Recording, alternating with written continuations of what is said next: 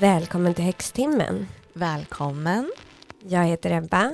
Jag heter Agnes. Idag ska vi prata om Samhain, Det ska vi. häxornas nyår Mm. och förlagan till Halloween. Pirrigt. Ja, det ska bli spännande. Mm. Vi kommer gå in på var det kommer ifrån, hur man firar, hur vi firar. Mm. Ja, precis. Det inträffar ju på halloween, men det är ju som du säger egentligen liksom original halloween. Och till och med en dag efter Halloween. Men Ja. man kan säga ja, Mm. 31 oktober, men Precis. typ på Halloween. Mm. Men man kan nämligen fira båda om man vill, så det är ju bra. Mm. man vill gå på Halloweenfest och sen fira Samhain så går Ja, det. dubbelfest. Det är Ja. Lyssnarna hör kanske att vi har lite nytt ljud.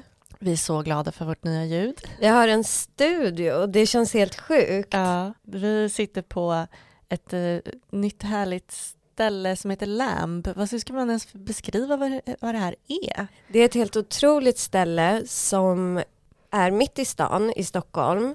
Det är ett slags coworking space, men här finns också poddstudio, gym, meditationer, Infraröda bastu. ja, en, eg- en inhouse shaman Ja, som kan göra behandlingar.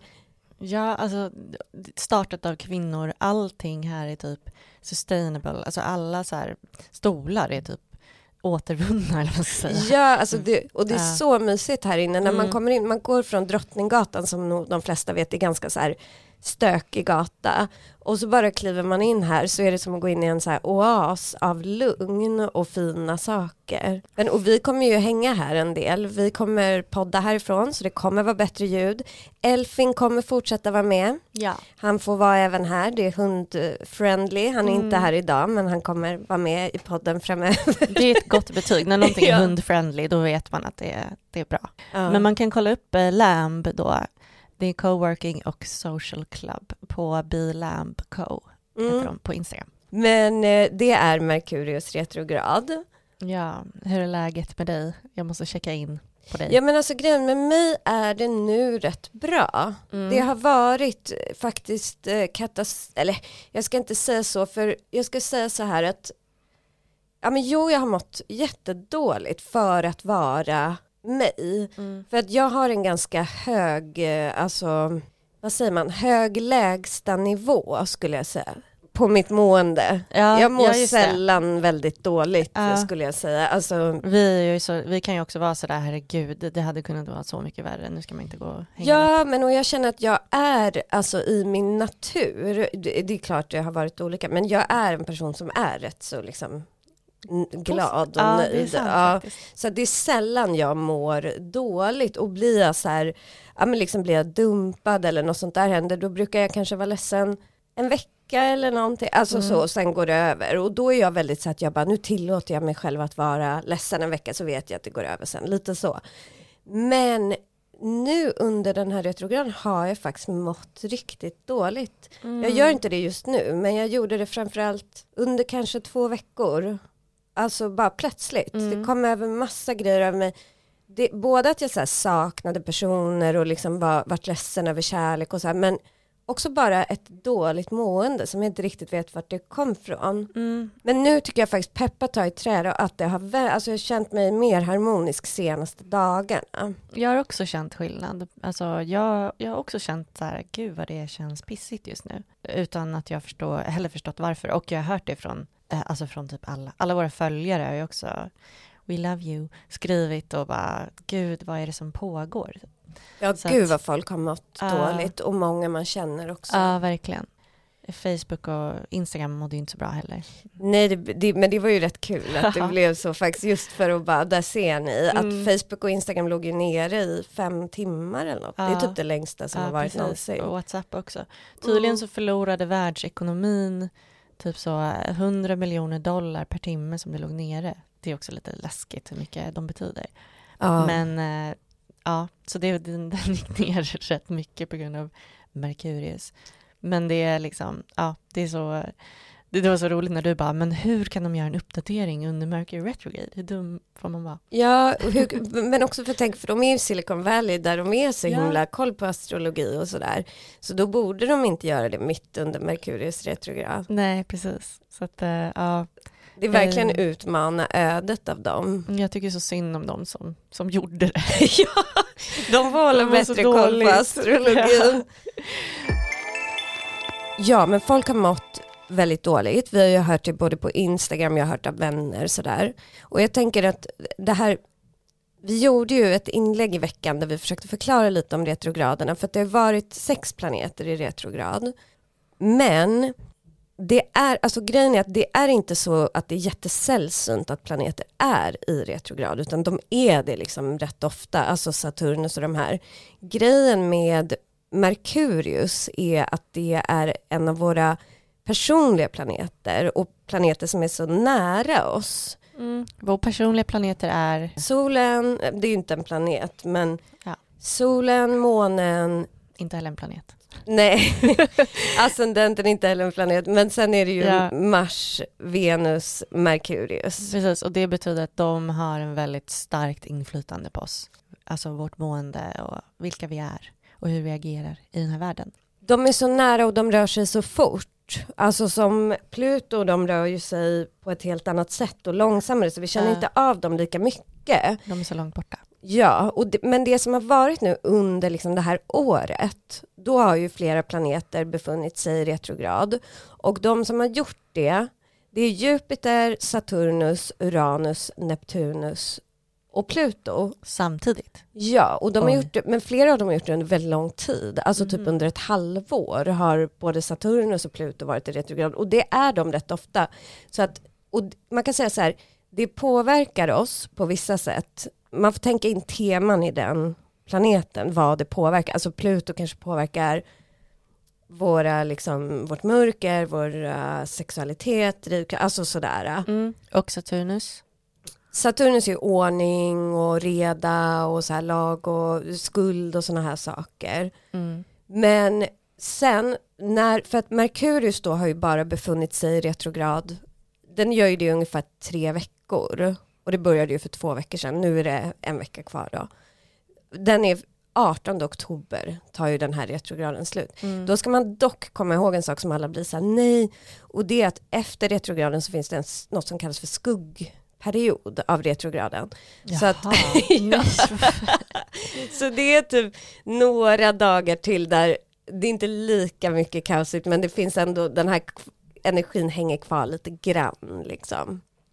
Okej, så, ja, så man kan inte liksom bara knäppa loss säkerhetsbältet den 18 utan man ska hålla i sig lite. Precis, inte helt. Men däremot har ju då Saturnus har ju vänt sig rätt. Och det är ju ändå positivt för ordningen. Pluto har vänt sig rätt. Just det, du kände ju av det ganska starkt när Pluto började gå åt rätt håll. Det var faktiskt då jag började må bättre. Mm. Så att, för att det är också... det är en av våra styrande planeter, både du och jag. Precis, det är en av våra, ja, och sen är det en sak till med retrograder som man kan tänka på. Att det är, särskilt när det är sådana här långa retrograder, så är det i brytpunkterna som energin blir starkast. Så att när Pluto går in i retrograd, vilket var någon gång i april typ, och när Pluto vänder sig då, alltså går ut ur sin retrograd, då kan man känna av det ganska starkt. Ja, jag kan tänka mig det, för att i brytpunkterna så är det ju typ som att jorden, vi, står i någon slags linje med den här planeten och sen så, så, så switchar det. Mm. Så då kan man verkligen tänka sig att det är så, att den är starkast Ja. eh, precis i brytpunkten. Ja. En sak som sker nu, typ de här, det blir lite efter, eftersom vi släpper podden en vecka efter liksom vi spelar in. Men så är det en eh, liksom, väldigt hård aspekt mellan Pluto och solen som sker precis när Merkurius retrograd börjar gå över, eller i slutet av Merkurius retrograd. Och då kan man tänka typ att för Pluto är ju liksom transformation, att släppa taget om allt, om saker vi har besatt oss vid och så här. Och solen står för vår identitet, vår lyskraft och så. Och då kan man tänka på något sätt att nu är det dags för verkligen transformation och det här kaoset som Merkurius skapar kanske tar oss dit på något sätt. Alltså om man går till exempel i en så här tråkig relation och inte riktigt nöjd så kanske Merkurius retrograd skapar liksom så mycket kaos att det blir omöjligt att vara kvar i den. Och då är det nu det är dags att liksom släppa taget, gå vidare, födas på nytt liksom. Och så rätar Merkurius upp sig och så kan vi så gå vidare från den här perioden. Eller behöver inte vara så konkret som att en relation tar slut, men som jag har gjort, så här, dealat med inre grejer, så här, varför fäster jag mig vid sådana här typer av relationer eller varför vill jag ha det här, alltså så, deala med det och sen bara, nu släpper jag det här och går vidare. Precis, så här, hur vill jag egentligen leva? Vill jag ha det så här? Mm. Så kanske man får en push nu när det liksom har gått och känts kaosigt. Eller man blir katapulterad in i en ny början på någonting. Ja, för en sak man också ska tänka på, det har ju pratat väldigt mycket om Libra season nu, för det har ju varit så mycket grejer i Libra season med Ja. Mercury retrograde och så här. Vad den har handlat om är verkligen så här våra relationer och inte bara hur man ser så här, åh jag måste vara snäll mot alla jag känner typ, utan hur så här hur respekterar jag mig själv genom mina relationer? Liksom har jag relationer som behandlar mig väl, som respekterar, alltså respekterar jag mig själv i mitt förhållande till andra människor? Ja, precis. Så det kanske har lett till en breakthrough med min favoritkille som exakt. Det har, chipskillen. Mm. Ehm, det har, har blivit en breakthrough där, eller hur? ja men det kan man ju faktiskt He's säga. gone. Ja, Hoppas jag. äntligen tycker jag. Du får inte ta den 18 oktober som någon slags fritt fram att, eh, att liksom gå in deep på WhatsApp igen. Vänta till nästa retrograd säger Merkur, den kommer i januari. Då går man tillbaka till gamla ex. Åh gud, efter nio år, du kommer bara, men det var, väl inte, det var väl inte så dåligt? Exakt. Vi gör ju den här podden för att vi tycker att det är så himla kul. Mm. Men vi vill, för att vi ska för att vi ska kunna göra mer av podden, kunna ägna oss mer åt det här, liksom göra mer grejer på Instagram och allting, så vill vi jättegärna ha era Ha er hjälp. Nej, vi ska inte. Eh, Vi ja, har ju en Patreon. mm, precis. Patreon.com slash hackstimmen. Patreon är ju en sida där man kan stödja kreatörer och podcasters som man tycker om. Det handlar inte om att man ska ge mycket, utan det är flera som ger lite grann. För vi gör ju den här podden utan att få betalt. Vi gör ju den på vår fritid kan man säga. Mm. Men det blir ju mer och mer, alltså vi vill ju göra så mycket mer. Men för att vi ska kunna göra det så behöver vi ju hjälp av våra lyssnare. Ja, exakt. Vi behöver lite stöd. Ja, och då kan man på Patreon välja att skänka så lite som, jag tror det lägsta är typ 30 kronor i månaden skänker man till oss. Alltså en, en uh, bryggkaffe på stan kostar 35. Ja, så det är lite pengar om man I har Stockholm. pengar. Ja, men har man inga pengar har man inte det. Men Ja. för de som har en liksom, inkomst så är det ganska lite pengar och för oss handlar det inte om att typ en person ska ge oss flera tusen utan det handlar ju om att många kanske ger en liten summa då i månaden så kan vi göra mer saker, vi kan lägga mer tid på X-timmen, flera avsnitt, videor, allt möjligt. Precis, skapa mycket mer roliga, eller mer roliga grejer. Mm. Och på Patreon så får man ju också en bonuspodd som, som inte läggs upp på liksom vanliga där man hittar poddar. ja. Den där finns det lite specialare. Så att gå jättegärna in och kolla på Patreon. Det är alltså patreon.com slash hackstimmen. Där hittar man oss. Och kolla om man kan tänka och stödja oss så blir vi jätteglada och ska fortsätta producera fantastisk häxtimmen åt er. Samhain, Agnes. Ja, En högtid för många som är häxor. Det kallas ofta för häxornas nyår. och vi har firat det ihop många gånger. det var faktiskt lite så vår, typ en, vår närmare vänskap började. Ja, precis. Du bjöd in till Samhain, ehm, ja, firande, Middag, middag. Mm. Och eh, då kändes det som att jag blev så här ini- initierad, eller vad säger man? Kändes det som att jag fick ta del av eh, häxan, häxans värld på ett mycket djupare sätt än vad jag hade gjort innan. Det här är ju, vadå, sju år sedan eller något? Ja, det är typ sju år sedan, men det var en väldigt mysig kväll. Mm. Och vi har ju fortsatt med det och har vår liksom, Samhain-middag. Mm. Och det blir ju ofta en väldigt djup stämning på sådana. Det man kan säga är ju för, för häxor så är ju Samhain, man säger nyår och det är ju för att Samhain är ju en väldigt gammal tradition egentligen som är liksom grunden till halloween. Mm, och alla helgons dag. Precis. Hela den kristna delen också. Samhain just kommer ju från kelterna. Det folkslaget som bodde i typ Storbritannien för liksom 2000 år sedan. De hade ju massa egen tro, alltså egna gudar, egna ritualer. De hade ju druider som var en slags präster eller trollkarlar och så. Och eh, de hade ju såklart egna högtider som följde väldigt mycket årshjulet, alltså årstidernas skiftningar och sådär. Och grejen är att Vicka, som ju är en häxreligion, bygger ganska mycket på de här keltiska högtiderna faktiskt. Högtiderna vi firar i Sverige idag är ju framförallt kristna, alltså påsk, jul och så vidare, allhelgona och så, det är ju kristna högtider.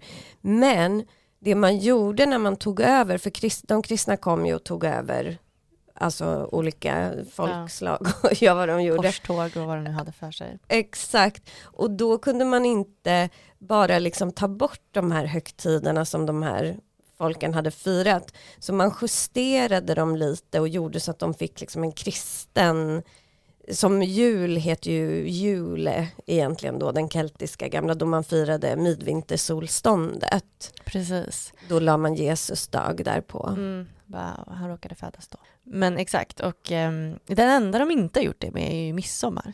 Nej, men det är ju verkligen en sån gammal liksom hednisk, mm. för hednisk kallar man ju folk som ja, men som inte är kristna egentligen kallades ju för hedniska mm, folk. Mm, precis, och man dansar runt en stor fallos smyckade blommor. Ja, och det är väldigt mycket sådana liksom naturritualer och sånt här kopplat till midsommar. Man ska drömma om vem man ska bli ihop med och vad det nu är för någonting.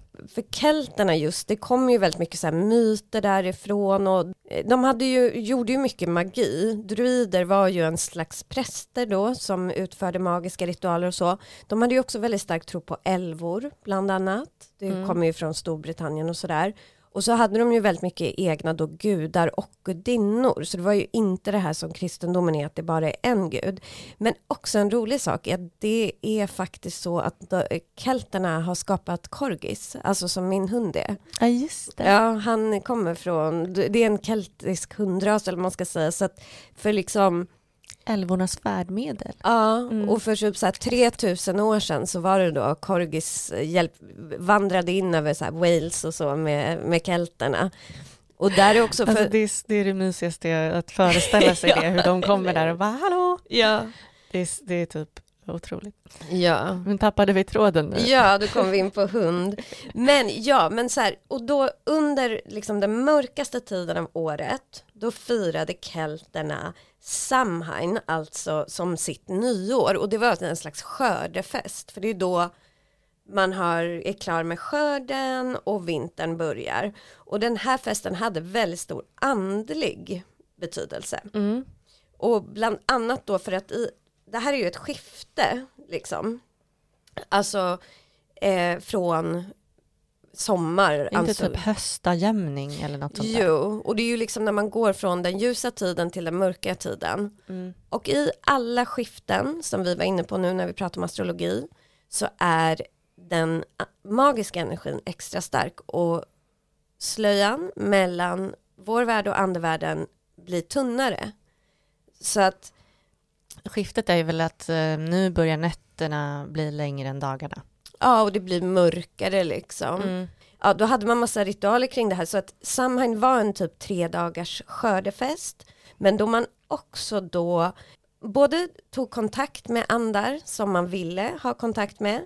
En gammal keltisk eh, sed som många häxor har kvar idag som vi har haft på våra Samhain-middagar mm. är ju att man har en tom stol vid middagsbordet för en andegäst. Alltså det kan vara en död släkting eller någonting. Det kan ju låta lite läskigt men det är ju fint på ett sätt att man hedrar dem. De får vara med på middagen. Ja precis. Det var, det var en kväll när man liksom träffade sina, sina förfäder eller ja, de som hade gått bort i ens liv igen. Precis. Bjöd så, in dem. Ja, så man försökte få kontakt med dem. Man bjöd dem på middag, man dukade åt dem och kände att de var där. Men sen så var man ju också rädd för onda andar. Mm, att man skulle råka bjuda in fel. Ja, eller att, Eller de kom. ja, att onda Som man andar inte ska komma och jaga en, Ja. liksom, just för att det är så tunt. Ja, just det. Och det var därför man klädde ut sig. Eller ja, hur? exakt. För att och det skrämma det bort dem. Precis, man tror att det är därifrån liksom halloween-grejen kommer. Mm. Och det här med pumpa, typ. Att man karvade ut något sånt där läskigt ansikte, typ en potatis eller något. Mm. Och tände ett ljus bakom. Så det är därifrån det kommer också. Där, det här är liksom grunden och häxor då har valt att istället för att fira halloween, eller så kanske man firar halloween också, men så firar man då den här lite äldre traditionen och ser det som en ny början, ett avslut och en ny början. Det är väldigt fint att se liksom när mörkret kommer som en ny början. Ja men häxtro är ju väldigt starkt förknippat med naturen och det är viktigt att följa årets cykler och naturens skiftningar och sådär. Och jag tror att det är därför som en del av Vicka och så bygger på kelternas gamla årshjul då. Och i det här mörkret och i det här skiftet så finns ju en väldigt, dels finns en väldigt stark spirituell kraft. Det här att det är lättare att få kontakt med de som är på andra sidan och med andar. Men också är det en sak ju att all magi är starkare i de här skiftena. Och där kan man faktiskt tänka på, för de här skiftena sker ju hela tiden, alltså man tänker skiftet från ljus till mörker och så. Varje skymning är ju ett sånt skifte, alltså Ja, på, från skymningen. morgon till kväll och Mm. kväll till morgon och så. Gryning och skymning är ju sådana skiften i naturen då magin är starkare och den magiska kraften är starkare. Och då är det, vill man göra magi så kan man göra det i skymningen till exempel. Men man kan också göra det under Samhain. Samhain det är ju en slags högtid då. Och det, men högtiden det är ju inte att man har någon, liksom, en stor fest så som halloween är. Det har ju spårat väldigt, alltså att det är väldigt Mm. klä ut sig och festa och så. Samhain handlar mer om så här, alltså när man går in i mörkret och när vi går in i mörkret så får vi möjlighet att fundera, alltså det är en tid för kontemplation, det är en tid för att så här, se tillbaka på året som har gått, vad gjorde vi, vad tog vi för beslut, vad har varit bra, vad har varit mindre bra? Och också att tänka framåt, så här, vad, vad vill vi att det nya året ska innehålla, vilken energi vill vi ha? Och sådär. Vilka har ju många högtider. Det är några då som bygger på de här gamla keltiska högtiderna och man kan ju säga att Samhain är ju en av de största. I USA finns det faktiskt flera sådana här större liksom witches balls och sånt som Mhm. ja, Vad de- händer där då? Ja det är liksom eh, fest för, för Mhm. häxor. ja. Härligt. Det är så, Halloween har ju blivit helt sönderkommersialiserat, typ som Ja, alla gud, ja. dag ungefär. Ja. Ehm, och julen och allt sånt. Men Ja. inte, inte de här grejerna, det är ändå, det känns eh, bra. Ja, men Hoppas det aldrig blir det. Nej men grejen är att allhelgona som vi har firat i Sverige, eller firar ju fortfarande även om halloween börjar ta över, det är ju typ lite mer som Samhain. Ja, eller hur? Man går till en grav eller en minneslund. Ja, och tänder ljus. Mm. För det är ju det att i mörkret, när det blir mörkt, så blir ju ljuset ännu viktigare. Så att mycket när man firar Samhain är ju liksom att tända stearinljus, tända eldar och sådär. Men Samhain är ju då den högtiden som är mest tydligt fokuserad på döden. Men då ska man tänka på att inom Vicka, och när jag säger Vicka så är ju det en form av häxtro. Men, och alla häxor behöver inte vara Vicka, men mycket liksom, om man firar högtider eller gör saker så är det, utgår det från Vicka, den religionen eller rörelsen man vill kalla det. Men inom Vicka så är ju liv och död liksom båda lika viktiga delar av tillvaron. Alltså liv kan inte existera utan död. Det är Nej, samma precis. ja, som man ser naturen, att träden dör ju för att återfödas igen. Och det är ju nu de dör, på hösten. Och för att nya saker ska kunna så växa och få liv så måste något dö, det gamla måste dö. Och sen så också ska man tänka på att de flesta som är inom Vicka eller tror på häxor och så tror ju också på reinkarnation som vi pratade om i Ja, tidigare precis. avsnitt. Mm. Ja, så att död är ju liksom bara ett steg på vägen mot åter, återfödelse. Precis som naturen. Ja, det är ju allt och dag och natt, alltså vi hela tiden på något vis, allt är som en balans mellan ljus och mörker. Så här, ljus kan inte finnas utan mörker och sådär. Döden kan inte finnas utan livet. Nej. Och tvärtom. Jag brukar alltid tänka att det är döden som skapade livet och inte tvärtom, för att det skulle vara så deppigt. Mm, ja, allt, det är därför man aldrig typ i astrologi eller tarot egentligen säger att något är så här dåligt eller bra utan mm. allt är och sen så har det olika nyanser och det får oss att må på olika sätt och så men egentligen är, döden är ju liksom inte så här något dåligt egentligen eller så utan det är en, ett tillstånd och en del av livet. Mm, det enda vi vet säkert. Mm, precis. Mm, precis. Och det är, jag tycker att det är en så fantastisk grej att ta med sig just ifrån eh, magi och att vara häxa, att det är just så. Mm. Det är mm. ingenting, liksom, det är inte svart och vitt och bra och dåligt, utan allting är. Och så får man, då tittar man ju på det på ett djupare sätt. Och man ja. ser eh, tillvaron mer, tycker jag. Och andra människor mer, om man inte är så här, den där är dum och den är inte dum. Nej, precis. Allt är ett så spektra av saker. Och sen så är det också, tänker jag, för en sak jag har funderat ganska mycket på senaste året eller två åren det är hur vi har verkligen sorterat bort döden ur livet. Alltså vi, väldigt många har ju aldrig ens sett en död människa. Vi, vi är inte med när, liksom, vi kanske med när de allra närmaste dör, men vi är inte med när våra kusiner eller liksom folk, vänner dör, utan de dör helt instängda på sjukhus, liksom helt avskärmade från världen. Och jag tror mycket att all den här liksom frånvaron av döden skapar en större skräck för döden, för vi vet knappt vad det är. Vi vet inte hur det ser ut att dö eller någonting. Mm. Ja, det tror jag verkligen. Det är så sant. Ja. Vad, vad har du för relation till döden? Har du sett någon död människa eller? Har någon Knappt alltså. som du har varit nära? Ja, ja visst, det har det ju. Mm. Alltså, jag har ju haft eh, släkt och vänner som har gått bort. Hade ju en bortgång i min släkt ganska nu, nyligen i år. En ung person och det är ju för att jag vet inte, det, det, är klart att det blir annorlunda när en ung person dör. Det har ju varit, det skapar ju ett trauman och att man börjar se livet på ett annat sätt. När äldre dör så tycker jag att det är en annan sak. Jag har sett död men inte särskilt mycket skulle jag inte säga. Men vad har du för relation till döden? Nej men det är precis som du säger att när en äldre person dör, alltså till exempel min mormor, det var fruktansvärt när hon dog, men hon var 95, mm. eller skulle fylla 95, så det, då känns det som att det är en del av livet. Men när en ung person dör, då känns det, det är en del av livet, men det känns, eh, det känns inte som att det är det också, för att det känns så himla fel.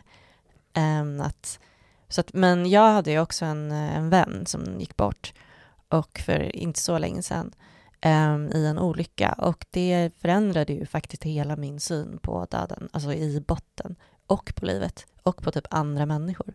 Man förstod, jag fick uppleva det på ett sätt som var helt, uh, som jag inte kunde föreställa mig innan. Um, och det har på något sätt gett mig också uh, ett rikare liv på ett sätt. Mm. För att uh, det fick mig att uppskatta livet mycket mer.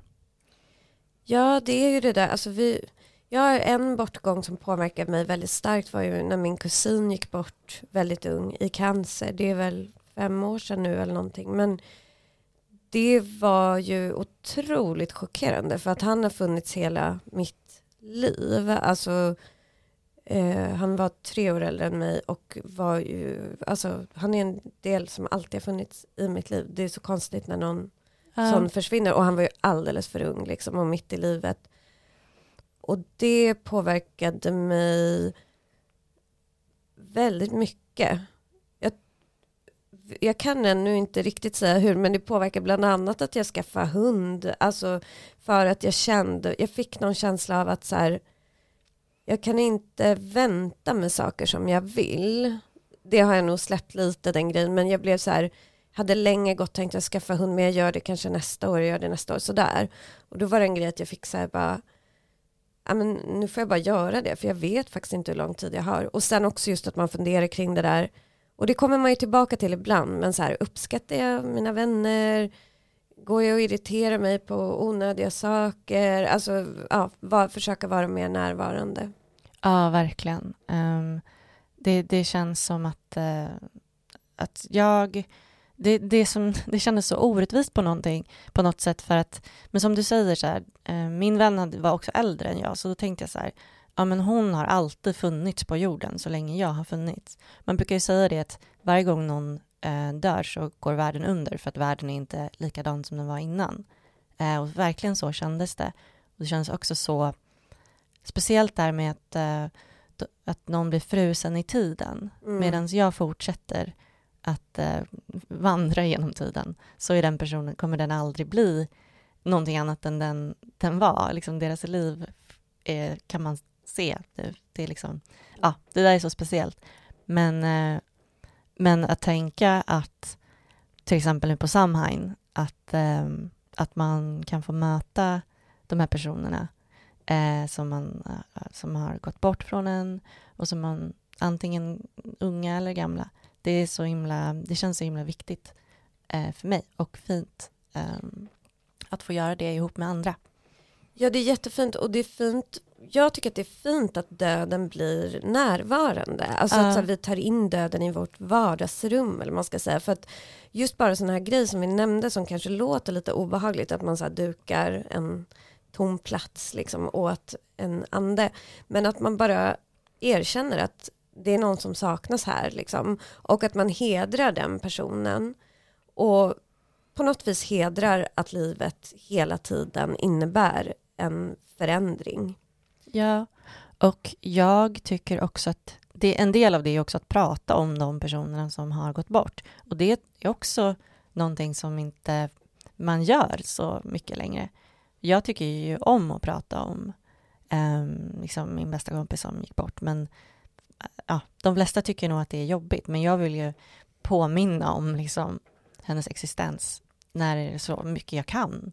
Men det är ju det är liksom svårt att få in det i, i sin tillvaro om man inte, men på Samhain blir det så, då ska, det, då ska man göra det och det liksom, då kommer det in i, i eh, man, är, ja, man hedrar det på något sätt ihop. Det är så himla fint. Ja, det tror jag är jätteviktigt. Att inte så bli tyst om en person bara. För, mm. för det är ju, jag tittade på den här dokumentären, jag tror det var ett år sedan ungefär, eh, om sorg. Vad heter, Claes Elfsberg har gjort en dokumentär om sorg som gick på SVT. Just Såg du det. den? Nej, jag har inte sett den. Jag tyckte faktiskt den var jättefin för att den pratade, han, hans dotter gick bort i cancer, hon var bara 30 tror jag, så det var i världens chock och gick väldigt fort och sådär. Och han sörjde ju jättemycket och då åker han runt i de här avsnitten och träffar människor som har gått igenom sorg på olika sätt. Och en sak som de flesta sa var just det här att många blir typ rädda, de vågar inte ens, alltså de vågar typ inte höra av sig, de vågar inte nämna det som har hänt, de blir, och att det är jättejobbigt, det blir som att man blir typ, det var någon, om det var i den dokumentären som berättade typ att folk nästan bytte trottoar när de såg att de kom för de kände det så jobbigt att höra av sig. Så det tog jag med mig från den dokumentären att jag tänker inte bete mig så utan är det någon som jag känner eller sådär bekant med som går igenom ett bort, bortgång eller så, då ringer jag hellre eller skickar ett meddelande. Tycker den personen att det är jobbigt så behöver den inte svara och det är helt okej för mig. Men jag tänker inte vara den som så här undviker ämnet. Typ. Nej, eller försöka hålla mig undan, utan mm. då är det mm. bättre att bara det var ju nu i somras faktiskt, i början av sommaren hände ju en jättetragisk grej i min ganska nära familj då, mm. en bortgång. Och då kände jag sådär en dag efter, liksom, ska jag höra av mig till då hans närmaste, liksom, eller tycker hon att det är jobbigt eller liksom så kände jag bara, då tänkte jag på den dokumentären bara, men jag hör bara av mig för att det är bättre att jag gör det än att jag inte gör det liksom. Hon, om hon tycker det är jobbigt behöver hon inte svara.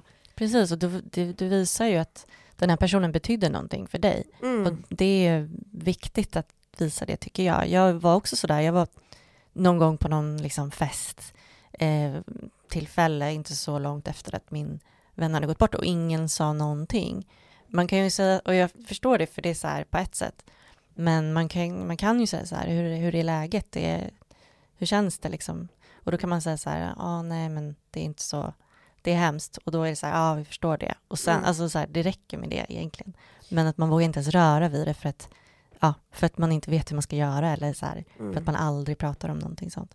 Ja men och sen en grej jag har tänkt på också när unga människor dör i cancer och sådär, eller vad som helst, men ja, eh, då är det, blir också, de får inte vara med längre, alltså de lämnar festen eller vad man ska säga, alltså de, vi fortsätter Precis. och de är inte med.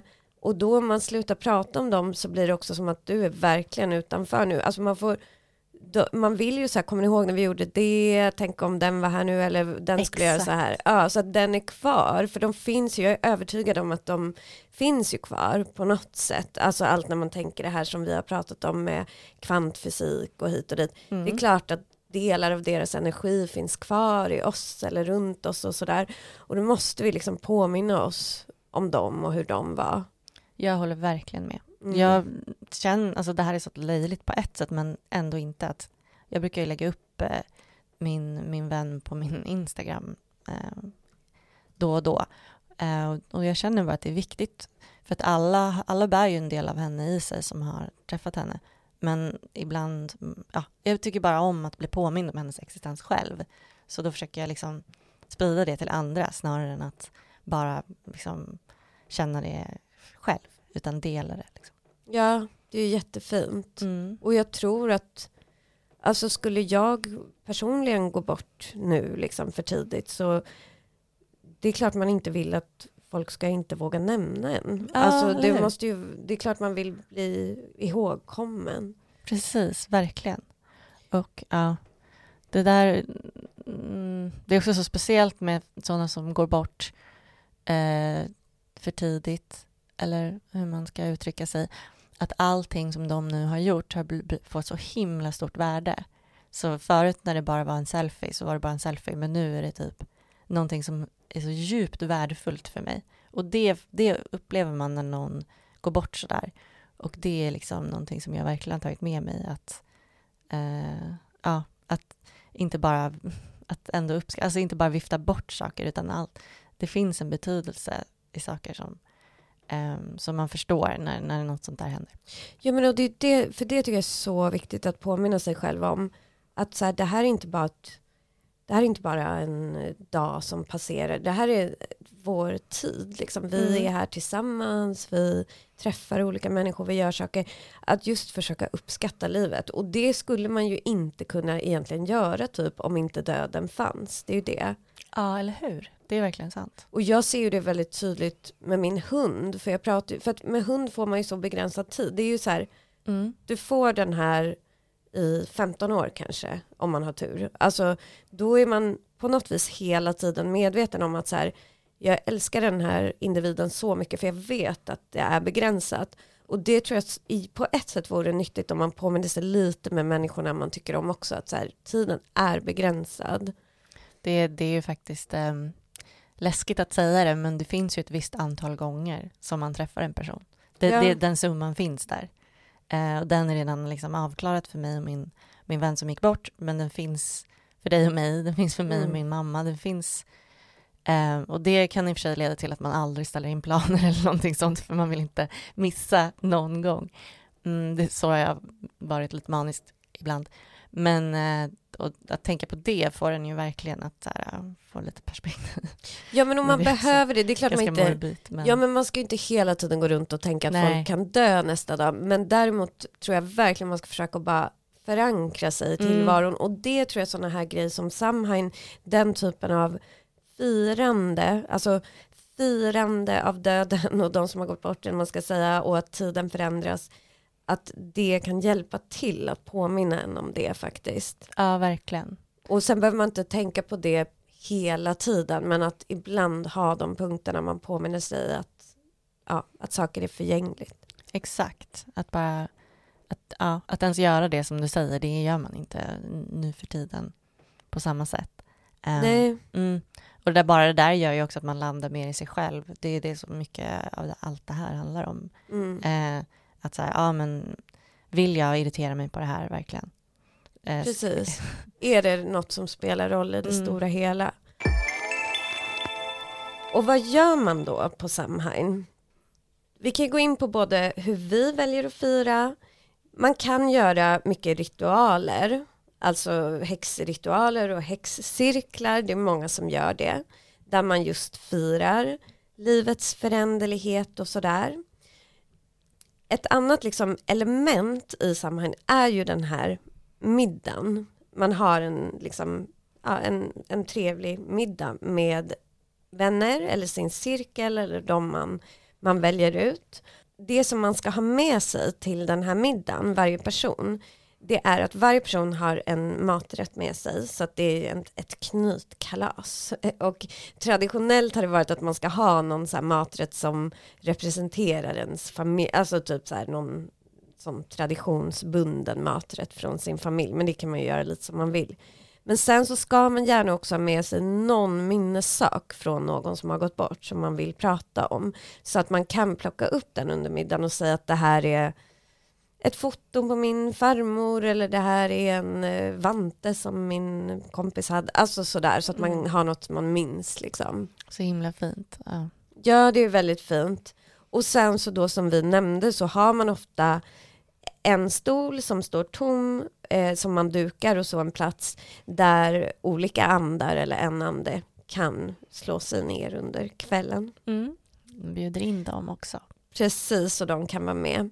Vi brukar ju ha en sån här middag med några vänner där vi alla tar med sig någonting och alla tar med sig mat. Det är ganska praktiskt att ha knytkalas faktiskt. Ja. Eh, sen, det är sant. Ja, men sen en till sak man kan göra som jag alltid brukar göra från faktiskt morgon till, eh, till natt på Samhain och det hänger ju ihop med allhelgon också. Det är att man ställer stearinljus i fönstren eller om man har trädgård kan man ställa ut lyktor och så. Och det här gör man för att andar som är på väg över till andra sidan, det sägs att man lyser upp deras väg. Mot. Man hjälper dem över precis hjälper dem att hitta i mörkret över till andra sidan. Det är ju en symbolisk grej men det kan vara lite fint. Men sen så har ju vi, det som har varit vår tradition som jag tycker vi kan tipsa om, mm. det är mm. ju att man börjar kvällen med att prata om sina, alltså de som har gått bort och de delar min, man går runt bordet och alla delar minnen och visar vad man har tagit med sig och sådär. Men sen att man också reflekterar lite över det egna året tillsammans med sina vänner. Så att man har till exempel lappar eller så, så man kan göra små fina papperslappar där man skriver ner det som man tycker att man vill lämna bakom sig det året som har passerat. Alltså man vill inte ha med sig det in i det nya året. Utan man kan säga till exempel stress eller om det är någon ovänskap eller vad som helst. Och så går man igenom och pratar om det här. Och sen så gör man som en ritual där man tillsammans bränner upp de här lapparna och liksom känner att det försvinner i röken och då man har en öppen spis kan man göra det i den eller så kan man göra en eld ute eller så kan man bara göra det i stearinljus om man vill det. Som man gör på ett säkert sätt. Precis, mm. man får ha fire safety. Men apropå det, vad, vad känner du att du skulle skriva i år? Jag satt precis och tänkte fråga dig detsamma. Uh. Um, det är, alltså, man kan ju skriva då både typ vanor man kanske har som man vill lägga av med. Eller ja, men typ eh, energier som i ens liv som man inte behöver. Eh, ja. Jag försöker tänka vad det skulle kunna vara. För jag, jag tänker också att jag skulle vilja ha något där, någonting fysiskt typ också. Alltså så här, jag vill lämna bakom mig eh, alla mina kläder. Nej, men, alltså något sånt också. Men, och, men det är klart. Eh, ja, jag vet inte. Stress är ju en bra. Det vill mm. väl ingen ha med sig. Men eh, vad, då måste man ju verkligen reflektera tillbaka. Vad har hänt det här året? Eh, vad har förändrats? Är det något som har kommit in i mitt liv som jag inte vill, ville? Eh, eller något som jag har skapat inom mig som, mot min egen, mitt eget bästa? Typ. Att bara reflektera över det gör ju så att man kan släppa det. Ja, precis. Och göra sig medveten om att man vill släppa det. Jag, försöker, jag tycker det har varit väldigt mycket positivt under det här året. Alltså jag är rätt nöjd med det här året. Men saker jag skulle, ja men det kanske är vissa relationsband jag vill lämna bakom mig och alltså vissa, någon form av lite kaosig energi har jag haft som vill ha med delar av den för jag, alltså jag gillar lite kaos också men det är klart att vissa av de grejerna skulle man kunna lämna bakom sig. Men sen då när man har lämnat det här bakom sig, för det man gör när man lämnar någonting bakom sig och eldar upp det och sådär, det är ju att man skapar utrymme för någonting nytt. För det är ju samma sak, det här ska dö med träden som dör och himlen som blir mörk och sådär, det ska försvinna. Och eh, sen så ska, ska något nytt ju ersätta det här och komma in. Så att då gör man en mer liksom, levande ritual där man tittar på det nya året, kan man sitta och prata vid bordet om vad man önskar för nästa år, om det är några planer man har som man vill dela och så. Och sen så skriver man ner det på lappar, lägger gemensamt i en skål, kanske har någon härlig olja eller någon ört som man förstärker det här med, blandar med de här allas lappar. Och sen så gör man en ritual när man kanske håller varandra i händerna och säger att tillsammans så önskar vi det här och vi skapar positiv energi kring det här. Sen brukar ju vi ha alla få med sig kanske en liten kristall som man har haft vid sig under middagen för att just så påminna sig om den här ritualen. Mm. Och så har den kraft, kraften från ritualen har ju gått in i stenen. Och som Precis. du säger, man har den hemma och då känner man det där. Man, har den hemma, eller så har man med sig, jag går just nu runt med en liten sten i min bh. Ja, jag brukar också ha den där. Ja. Man vill ju ha dem vid hjärtat. Den är ju från en, en ganska nylig ritual. Då. Mm. Vår nymåneritual som vi gjorde. Ja, exakt. Den här nymånen. Var så härlig nymåne tycker jag, mm. även om den var mitt i kaoset. Men vi fick ju verkligen till en så här superhärlig energi mm. just då, som sen då kom man tillbaka till Merkurius kaoset, men man fick liksom ett andrum ja. av typ kärlek. Vi skrev vad vi ville ta till oss nu och så skrev vi det på en ballong som vi släppte ut i mörkret, mörka natten. Ja, och det är faktiskt en rätt häftig nymåneritual att skriva på en ballong och skicka iväg den. Och det är just kopplat till luften, för den här månen var ju vågen som ett lufttecken, så var en mm. luftritual.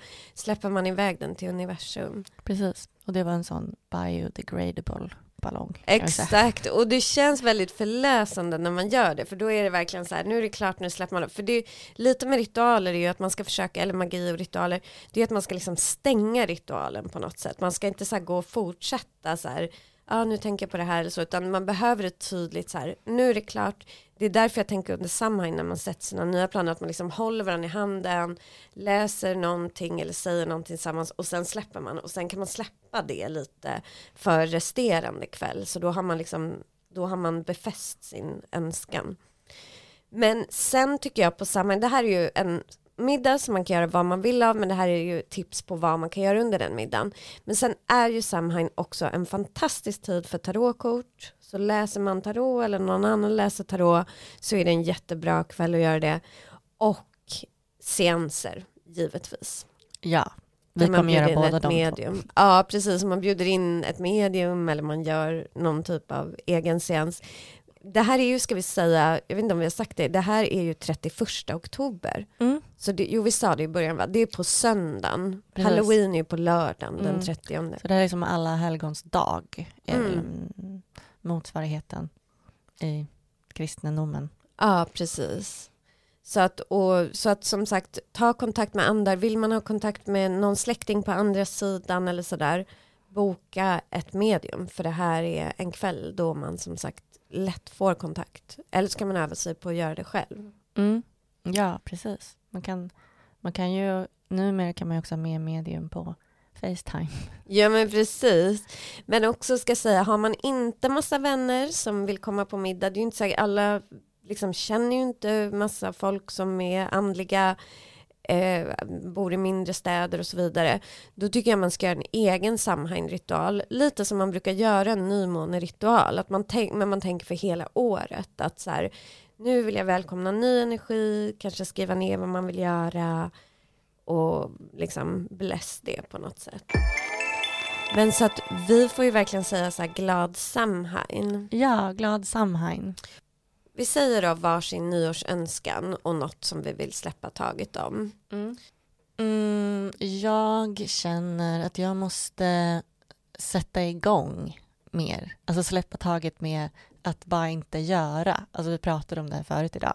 Men eh, jag har en sån, man tänker att så här, jag vet inte, det kan vara vad som helst. Det kan vara att skriva ett mejl eller börja med ett projekt eller någonting. Att man, jag kan inbilla mig att det måste vara en så perfekt, jag måste vara i ett perfekt mode eller jag måste göra allt det här innan jag kan sätta igång med det.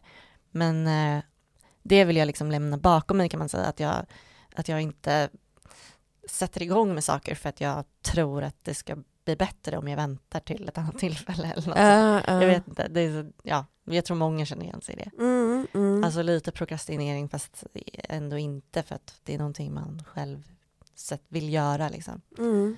Um, så att uh, ja, få lite mer fart. ja, vad ska jag lämna bakom mig då? Jag känner, jag har svårt att sätta fingret på det. Jag måste fundera lite för att jag tycker som sagt mycket har varit bra. Men det är någon form av eh, lite kaosenergi som jag skulle vilja kanske lämna bakom mig. Alltså, Tinder-relaterad? nej. nej, men kanske. grejen är Ja, fast jag vill inte lämna bakom mig Tinder. Nej, vi ska gå igenom dina Tinder-killar. Ja, jag har lite nya nu på... För, men alltså, Efter podd, men, Ja, men det är någon grej jag vill lämna... Ja, men alltså en grej jag kan lämna bakom mig då är, för att jag är ju lite tvärtom från dig där, det här med att inte sätta igång och sådär. Mm. Och jag skulle kanske kunna lämna bakom mig en viss mått av impulsivitet. Även om jag gillar min impulsivitet också så finns det en liksom del i den som kan vara väldigt sådär, nej men nu tar jag kontakt med det här exet eller nu gör jag, nu gör jag så här, alltså sådär. Och där kanske jag kan känna att jag lugnar ner mig lite liksom. Mm. Man är destruktiv mot sig själv på all, liksom alla är det på något sätt. Ja, man måste bara lite. komma på vilket ja. sätt man är det mot sig själv liksom. Ja men att ha någon, precis lite mer balans, för det är väl det jag kan säga, för, för vad man vill ha mer av i nästa år så är det ju mycket jag vill ha mer av som redan är. Alltså eh, podden vill vi ju göra jättemycket. Ja, den är överst på listan. Ja, och så tänker jag att jag vill ha mer balans i livet och det har vi ju blivit väldigt medvetna om här under Libra season, att mm. balans är liksom väldigt viktigt. Men jag vill ha lite kaos också så att det får vara, alltså. Man måste ju ha det för att ja. man ska kunna ha motsatsen. Ja Eller? men precis, det får vara typ. Eh, det måste finnas kaos i, i re, liksom ordningen. balans med ordning. kaos, mm. ja precis. Lagom kaos. Mm. Man, gillar, man gillar ju någon som är lite kaosig. Ja det också. Det är bara kul. Ja exakt. Fast det finns en gräns. Ja det finns gränser. Men jag tycker inte du har överträtt den gränsen. Nej, jag tycker inte heller det. Det är men ju ibland förstår. känslomässigt man kan fundera, ja. men ja. Precis. Jag vill, mm, jag vill um, bara, vad vill jag? Jag kanske har svarat på det. Ja, men typ podden. Jag kom på det jag kan ta bort. Mm. Alltså om vi, det är alltså att bli arg på olika killar och sådär. Alltså det är ju en grej jag skulle vilja ta bort. alltså, ja. För där kanske jag får vara mer också så här att typ att bara, nej men om det här inte funkar så funkar det inte. Då bara, man behöver inte hålla på och liksom försöka förändra folk. Nej det tycker jag det tycker jag faktiskt att du ska sluta med. ja. Att hålla hoppet uppe trots att någon är helt hopplös. Ja. Um, men det, det är ändå lite fint av dig att tro. Det bästa om folk. ja. Men och sen bli arg på dem för att de inte lever upp till det. Ja, för det är det. Det skulle ju vara en sak om jag var helt så här undergiven och bara okej, okay, typ. Men det är jag ju inte, så då blir det ju så mycket liksom konflikt. Då blir det kaos. Ja, så det är det Onödig som kanske... konflikt. Mm. Släpp det och gå vidare. Det är inte det ett sånt uh, mantra som jo. man får höra ibland? Ja, det skulle väl vara bra då med relation. ja, men faktiskt. Ja, men fast då skulle inte jag få något kul. Underhållning. Nej, precis. Men alltså jag ska ju nu då dejta nya. Vi kan ju se om vi har med det här. Men jag har ju några stycken på Tinder som jag ska kolla på om det blir, eh, alltså. Jag ska kika på det. Ja, om de kan vara något. Vad vill du ta med in i det dejtandet då? Att inte bli arg? Nej men ha lite öppet sinne då. Mm. För jag fastnar ju så lätt för vissa folk. Alltså mer vara så här, det är kul, kul att träffa lite olika och sådär. En sjuk sak du skulle kunna göra är att inte veta vad de har för stjärntecken. Mm. Det skulle jag kunna göra. Ja, det skulle jag faktiskt kunna göra och fråga det. Ef- Efter att ni har träffats. ja, exakt. Fråga det på dejten. Mm. Ja, det skulle jag kunna testa. Då kommer du nog säkert sitta där och bara eh, skytt, eh, ja. tvilling, eh, Ja. lejon. Att bara tänka på det. Men det är, ja. Vi Ja, bru- nej, men det kan jag prova. För grejen är, det låter ju när vi pratar nu som att jag har dejtat jättemycket, men det har jag ju verkligen inte. Alltså jag har ju bara dejtat i några månader, Ja. så Tinder är ju fortfarande liksom ganska nytt för mig. Alltså jag är ju Mm. inte så här någon van Tinder-användare, utan jag har ju bara varit på liksom, kan ju räkna på en hand typ de dejterna jag har varit på egentligen. Mm. Men Men- så att det blir ju liksom, alltså, men det har ju varit flera med, Ja, alltså jag har ju precis. träffat många som, jag har ju liksom ganska snabbt börjat gilla olika personer. Mm. Och vissa har inte gillat alls, men alltså så är det ju. Men det är ju skönt att du, du vet oftast det ganska snabbt. Ja men alltså andra Tinder-dejten jag var på, det var ju han din favoritkille. Som har, han har ju ändå varit med under typ hela året. Alltså det är ju nummer två av Tinder-dejter jag varit på någonsin. Typ. Ja, precis. Och han gillade det ju inte. Nej. Och sen så bara helt plötsligt när ni inte hade setts på jättelänge så gillade du honom igen för då hade du glömt hur han var. Ja det är sant. Ja. Det är ändå fint av dig. Du bara ser det fina ja. i chipskillen. ja. Men, ja men, men Honom vad ska du lämna. Ja, Jag ska skriva det på vår sammanritual. Skriva hans namn. Ja, brännare. Helt perfekt. ja, men vad ska du ta med dig in i år? Eller vad vill du ha liksom med? Mer av. Mm. Ehm, vad vill jag mer av? Jag vill ha lite mer ordning tror jag. Mm. Både hemma och i huvudet.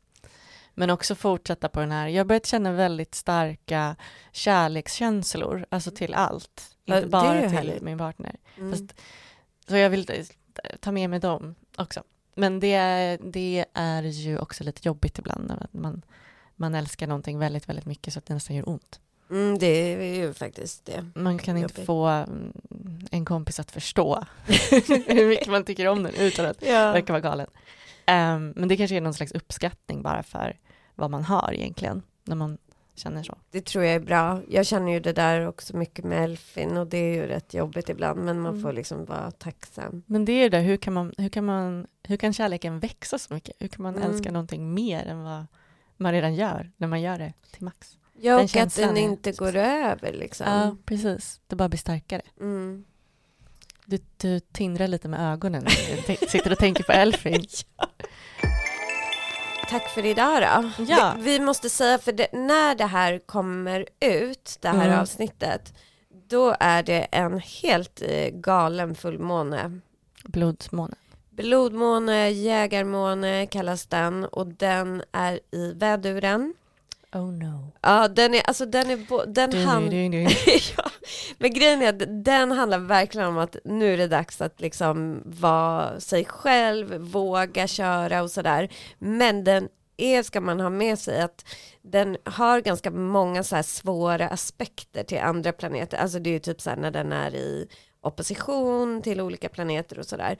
Så att den kommer inte bara vara enkel, utan känslorna kommer vara all over the place och utanpå. Så att det bästa man kan göra då är faktiskt att försöka ta det lite lugnt, alltså i relation till andra människor, inte bråka och Mm. skrika. Väduren brukar liksom bara köra med huvudet före, liksom rakt fram. Ja, och det man ska komma ihåg är också att. Mm. Nej, för att solen är i vågen så vi är kvar i det här liksom par, alltså Mm. relationsorienterade temat. Mm. Så man ska försöka ta det lite lugnt faktiskt. Ehm, vilket datum är det här då? Det är den 20 oktober. Mm. Så det är typ kanske en dag efter att vi släpper podden och då är den här energin kvar. Men vi kommer lägga upp på Instagram ju om det. Ja. Så följ oss på Instagram, Hackstimmen. Patreon. Ja, Patreon. Stöd oss jättegärna. Vi blir jätteglada. Ju mer som gör det, så ju mer podd kan vi göra. Och en sak till, missa inte att vi gästar podden Spöktimmen. Ja, Kommer ut på Halloween. Halloween. Mm. ja. Eller på Samhain. Det var så härligt att vara där. De är De är verkligen... så gulliga. De, Jenny och Linn, de ska ju komma och gästa oss också. Mm. Men man får inte missa det avsnitt när vi är med där och pratar om magi och astrologi och tarotkort och allt möjligt. Häxor. Ja, häxor. Mm. När spöktimmen mötte, mötte häxtimmen. Ja, det är så bra. Och då som, det är faktiskt kul för att eh, spöktimmen är klockan 12 på natten, midnatt. Häxtimmen är ju så här mellan 3 och 5. Mm. Det är ju liksom gryningen eller vad man ska säga. Ja men tack för idag. Ja, tack Hej så då. jättemycket. Puss, puss. Puss, hej.